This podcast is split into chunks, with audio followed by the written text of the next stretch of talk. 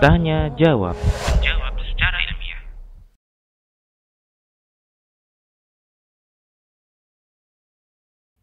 Eh, terkait dengan amal-amal kebaikan yang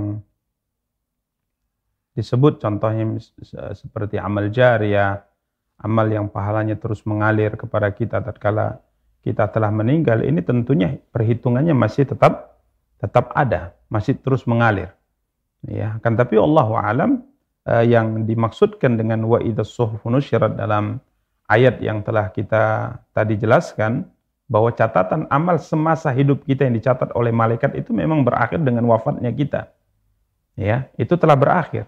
Karena itu adalah perbuatan jahat dan perbuatan baik yang kita kerjakan secara langsung dalam kehidupan dalam kehidupan dunia itu akan dicatat oleh malaikat.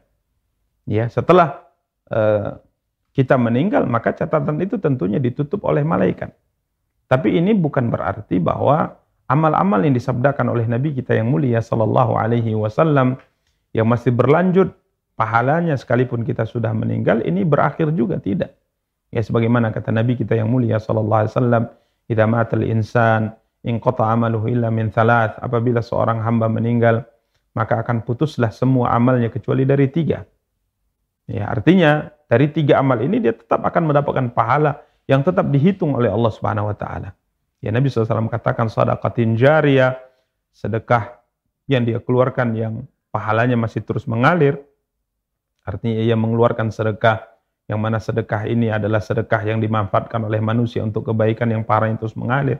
Seperti misalnya membangun masjid, ya, seperti misalnya membangun lembaga-lembaga pendidikan untuk agama atau mungkin fasilitas-fasilitas kebaikan yang masih dimanfaatkan oleh manusia sekalipun ia telah meninggal ini tetap terus mengalir. Ya. Namanya sedekah jariyah. Au ilmin yuntafa'u bih atau yang dia tinggalkan adalah ilmu yang diambil manfaatnya oleh manusia berikutnya ini setelah ia meninggal. Ini juga tetap akan mengalir atau yang dia tinggalkan adalah waladin salihin yad'ula. Dia memiliki anak yang saleh yang senantiasa mendoakannya. Ya, anak saleh yang senantiasa mendoakannya. Para ulama rahimahumullah taala mengatakan ini sebagai tambahan faidah bahwa anak saleh yang mendoakan sebenarnya yang diinginkan oleh Nabi SAW itu bukan hanya doa dari anak saleh.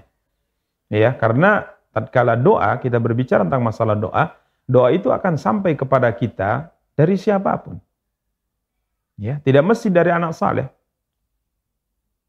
Artinya tatkala kita punya teman, ya punya saudara yang mendoakan kita ataupun sekalipun mungkin kita tidak mengenal dia kan tapi dia dia mendoakan kita.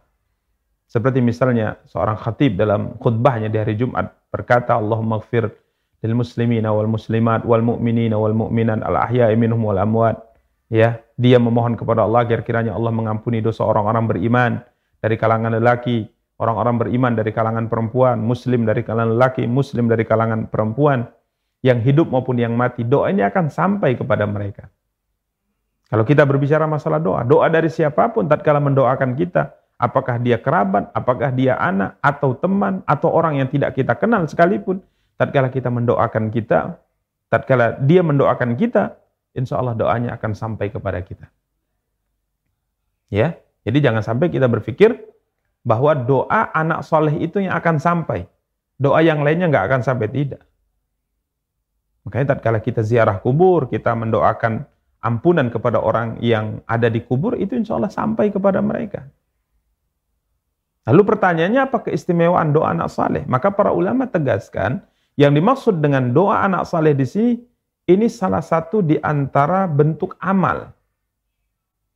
Anak yang saleh yang ditinggalkan oleh orang tuanya, tatkala dia sholat, tatkala dia puasa, tatkala dia bersedekah, tatkala dia membaca Al-Quran, maka orang tuanya secara otomatis akan mendapatkan pahala dari semua amal kebaikan yang dilakukan oleh anak kandungnya ini.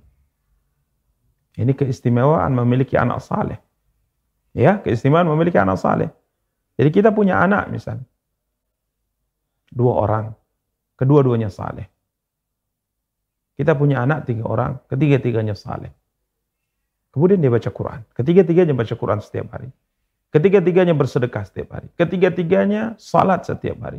Berpuasa. Dan melakukan amal-amal kebaikan.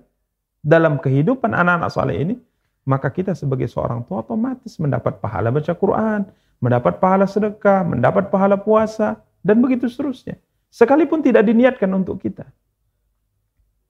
Ini manfaat dan kebaikan memiliki anak yang saleh.